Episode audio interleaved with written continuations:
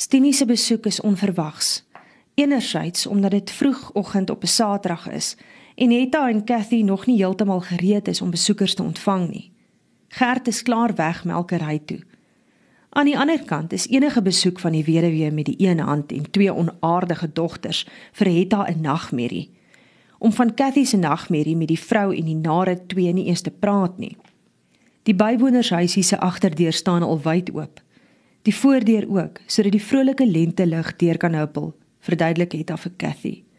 Ons moet die lente ruik en jy kan die Vader se genade nie inasem as die deure en vensters toe is nie veral nie na die goeie bui van gister nie. Dit voel of alles al klaar die nuwe lewe proe. Hoor tannie hoe koer die duwe buite, sê Cathy en neem 'n versigtige slukkie aan die warm tee. Hulle sing. Dankgesange, antwoord Etta. Dit klink soos psalms. Hulle juig oor die reën, sê Etta en staan op om uit te kyk toe sy eers net die hand sien wat klop en toe die vrou in die deur. Toe eers die stomp armpie. Hetta vryf selfbewus oor haar eie hare. Sy het dit net vinnig deurgeborsel voordat sy vir Gert kom koffie maak het. Stinie Losber lyk soos altyd asof sy op pad is dorp toe. Netjies in 'n groen rok wat net kort genoeg is om haar mooi bene te wys. Gelukkig is Gert al weg, dink Hetta en skaam haar vir haar dankbaarheid. Môre Stinie, groet sy nogtans en hoop dit klink guller as wat sy voel. Kom binne, ons drink juis tee. Ons, vra Stinie, asof sy Cathy glad nie raak sien nie. Ek en Cathy, antwoord Etta. Kom sit. Sy haal nog 'n koppie en 'n piering van die rak af. Sy sien hoe Stinie verbaas na die delikate teestel kyk, maar niks sê nie. Eers toe het hy die koppie tee na haar toe oorskuif en die suikerpot se deksel afhaal, sê Stinie uit die hoogte. "Waar kom jy aan die mooi teestel?" Eintlik, dink Hetta geamuseerd, sê jy 'n Victoriaanse stel soos die hoort nie in 'n viervertrek huisie van 'n bywoner nie. Dis Cathy se stel. En Hetta kry heimlik lekker oor die weduwee se openlike verbasing.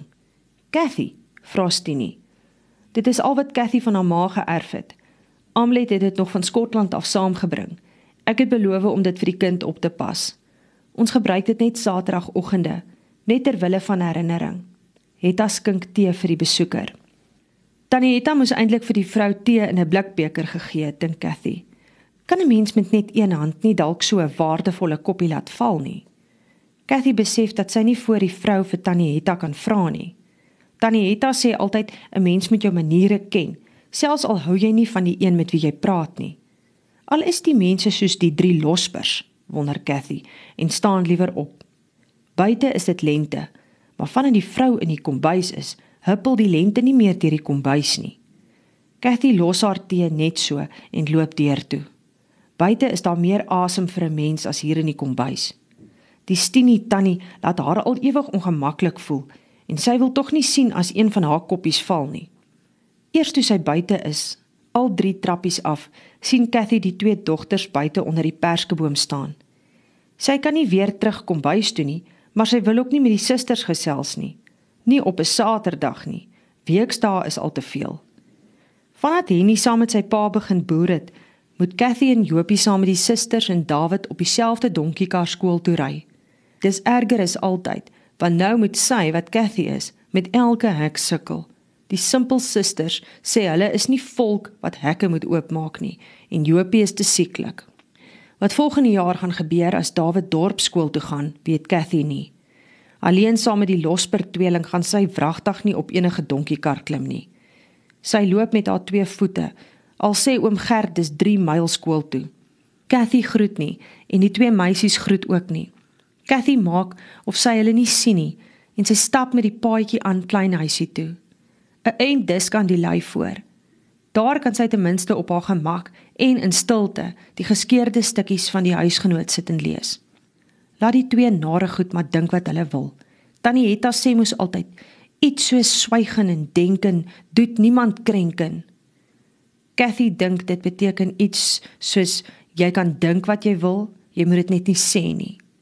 Partykeer kan Tannie Hetta mos sommer so Hollandsrig praat en sy wat Cathy is verstaan niks van Hollands nie nie eens mooi wat Tannie Hetta lees as hulle saans huisgodsdiens hou nie.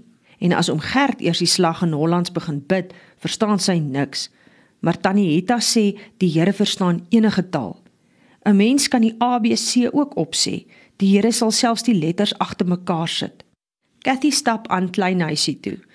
Roxy volg haar en sal soos altyd voor die toe deur gaan lê en wag asof sy net seker maak haar nooi is veilig. Agter haar hoor Cathy die dogters en in die kombuis is die vroue aan gesels. Al hoe harder en Cathy sit die deur nie heeltemal op knip nie. Dis nou een gesprek wat sy nie wil mis nie, want as Tini losper begin gesels, kan 'n mens maar weet die vonke gaan een of ander tyd begin spat soos 'n droë mieliestronk in 'n koolstoof. Cathy wens sy kan soos 'n vlieg teen die muur sit en sien hoe hulle praat, maar hoor is ook goed genoeg. Ek het eintlik om kyk of Gert tuis is, sê Tini in die kombuis en hou die koppie delikaat vas met 'n pinkie in die lug. Seker iewers gelees dit is hoe grand vrouens tee drink, dink Etta. Gert boer, antwoord sy klaar geïrriteerd. Ek het gehoor Donkie het nie meer 'n bywoner nodig nie. Gert is deelsaaier, nie bywoner nie. Wat s'ie verskil? Hy het in elk geval nie meer werk hier op die plaas nie. Het haar voel die drang in haar opwel om die meerwarige glimlag van die vrou se gesig af te klap, maar sy bedwing haar en sê net: "Dan weet jy meer as wat ek weet." Stinie ignoreer die antwoord. "Ek het juis by Gert kom raad vra." "Ek weet jy lieg," dink Etta en voel weer die hoofpyn wat in haar slape klop. Sy staan op, haal 'n hoofpynpoeier uit en gooi dit in haar handpalm. Sy skud die poeier in haar mond uit en sluk 'n groot sluk water. Hulle sê die grandpas is nie goed vir 'n mens nie, sê Stinie. Jy moet versigtig asof jy omgee. Dis al wat vir die hoofpyne help. Jy moet dokter toe, sê Stinie. En hoekom ek op die dorp? Ek sien nie kans vir die geskit op 'n perdekar nie. Stinie drink die laaste slukkie tee en sit die koppie hardhandig in die piering neer. Glimlag en sê: "Donkie wil my grond koop. Gert moet raad gee." "Ek het nie geweet jy wil verkoop nie," sê Hetta verbaas. Eers lyk dit of Stinie haar nie gaan verwerdig om te antwoord nie. Toe sug sy en sê amper fluisterend asof daar iemand is wat sal hoor waaroor hulle praat. Die droogte en die depressie het my ook sleg gevang. Ek is vrou alleen op Twisnet, op die stukkie van Twisnet waarop ek moet boer, moet ek by sê. As donkie koop, sal dit 'n uitkoms wees. Kan dit wees dat Stinie ook 'n hart het, wonder Hetta, en besef dat sy ook haar eie vooroordeele het. Waarheen wil jy dan gaan? vra Hetta. Ek wil nie graag weg uit Muurse hoop nie. My stukkie Twisnet is my erfporsie, maar miskien sal dit goed wees vir die dogters om dorp toe te trek. Nog net volgende jaar dan moet hulle hoërskool toe. Die kinders moet eendag hulle eie geld verdien. Hoekom gaan jy dan nie ook stad toe nie? Ek sien nie vir die stad kans nie. As ek kon kies, het ek net hier op my plaas gebly. Sy bly stil asof sy 'n simpatieke woord van Hetta verwag. Sug en voeg weer by: "Maar 'n arme weduwee kan nie kies nie." Hetta wil haar net jammer kry, maar toe sê sy nie: Getroude vrouens dink mos hulle eie mans is daarop uit om hulle met 'n weduwee te verneek as sy net raad kom vra. Dit is die Stinie wat ek ken, sê Hetta vir haarself en sy gooi die laaste bietjie poeier in haar mond en vat 'n groot sluk water. Meer om die wrevel as die poeier in haar keel af te kry. Sy sal haar nie vandag deur die mens laat ontstel nie. Ek sal vir Gert sê jy was hier, sê Hetta teen haar sin en bid dat die vrou net loop. Hy kan sommer oorstap daar na my toe. Natuurlik sal jy wil hê Gert moet oorstap, asof ek jou nie ken nie. Gert is 'n goeie man, sê Stinie toe sy opstaan. Hoe jy en hy bymekaar uitgekom het, weet ek nie. Sonder om te groet, loop sy en roep haar dogters agter haar aan. Van die klein huisie se kant af kom Cathy aangestap terwyl sy op die blokkie papier iets lees. Dis die kind se ou gewoonte, dink Etta. Haal die stukkie bladsy uit die omgekeerde spyker, begin binne lees en loop dan met die geskeurde artikel uit om dit klaar te lees. Gert kry sy vrou by die kombuistafel sit toe hy die agtermiddag van die lande afkom. Hetta sit met haar elmboë op die tafel en haar kop tussen haar hande. Cathy is voor die stoof doenig. Het die hoofpyn jou weer gevat, Hetta? vra hy en raak lig aan Hetta se agterkop. Dit raak elke dag erger, sê Hetta sonder om haar kop op te lig. Hy kan skaars hoor wat sy sê. Dis nie hoe hy sy vrou ken nie. Sy gaan mos nie sommer lê nie. Het jy al iets vir die pyn gedrink? vra hy.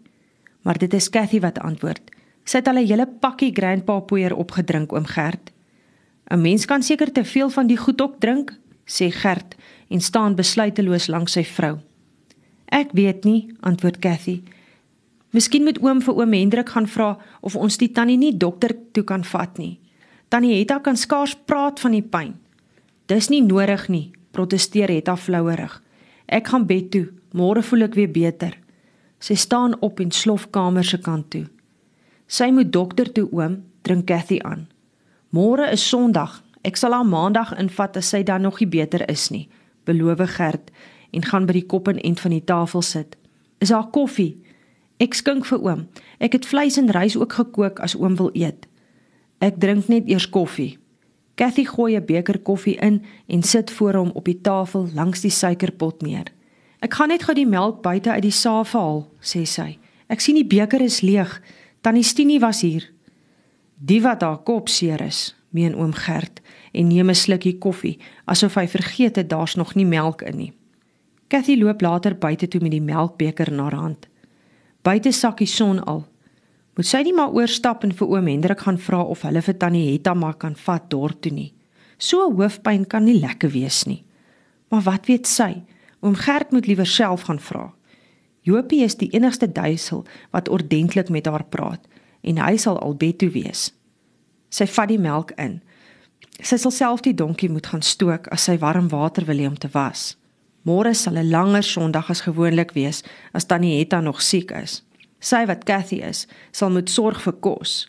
Sy kan darmal pap maak en tannie Hetta het gesê daar's nog 'n stukkie van hulle wors in die koelkamer. En as môre verby is, moet sy maandag weer vroeg reg wees wanneer sy moet loop om die donkiekar te kry voordat dit weer vir haar wegry. Dit is daai afarm vrou wat Tannie Hetta so ontstel het, dink Cathy. Sy ontstel haar altyd, veral as sy vertel dat Tannie Hetta eintlik nie goed genoeg vir oom Gert is nie. Seker dit dat haar twee dogters so naar is met so 'n ma. Cathy loop weer buitentoe om die donkie te gaan stook. Hulle het nie 'n pa nie, moet jy onthou herinner sy haarself terwyl sy staan en wag dat die fyn houtjies goed vlam vat voordat sy dikker stompe insit, soos wat klein Jakob haar gewys het. Ek het self ook nie 'n pa nie, dink sy, maar ek het darm vir oom Gert. Dit is toe die reuk van droë mieliestronke in haar neus opslaan dat sy wens Jakob hulle was nog hier. Nie net omdat sy klein Jakob mis nie, maar omdat sy vir Mita sou kon gaan vra wat se medisyne vir kwaai hoofpyn help maar hulle is weg stad toe. Die verdomde trekker het alles op meer se hoop kom omploeg. Asof osse nie goed genoeg is om te ploeg of te trek nie. Hoekom is die reuk van vuur in die donkie vandag so skerp in haar neus? Glad nie so lekker soos altyd nie. Sy kan eers maandag vir juffrou ook raad vra. Wat tussen nou en maandag wag daar 'n lang Sondag.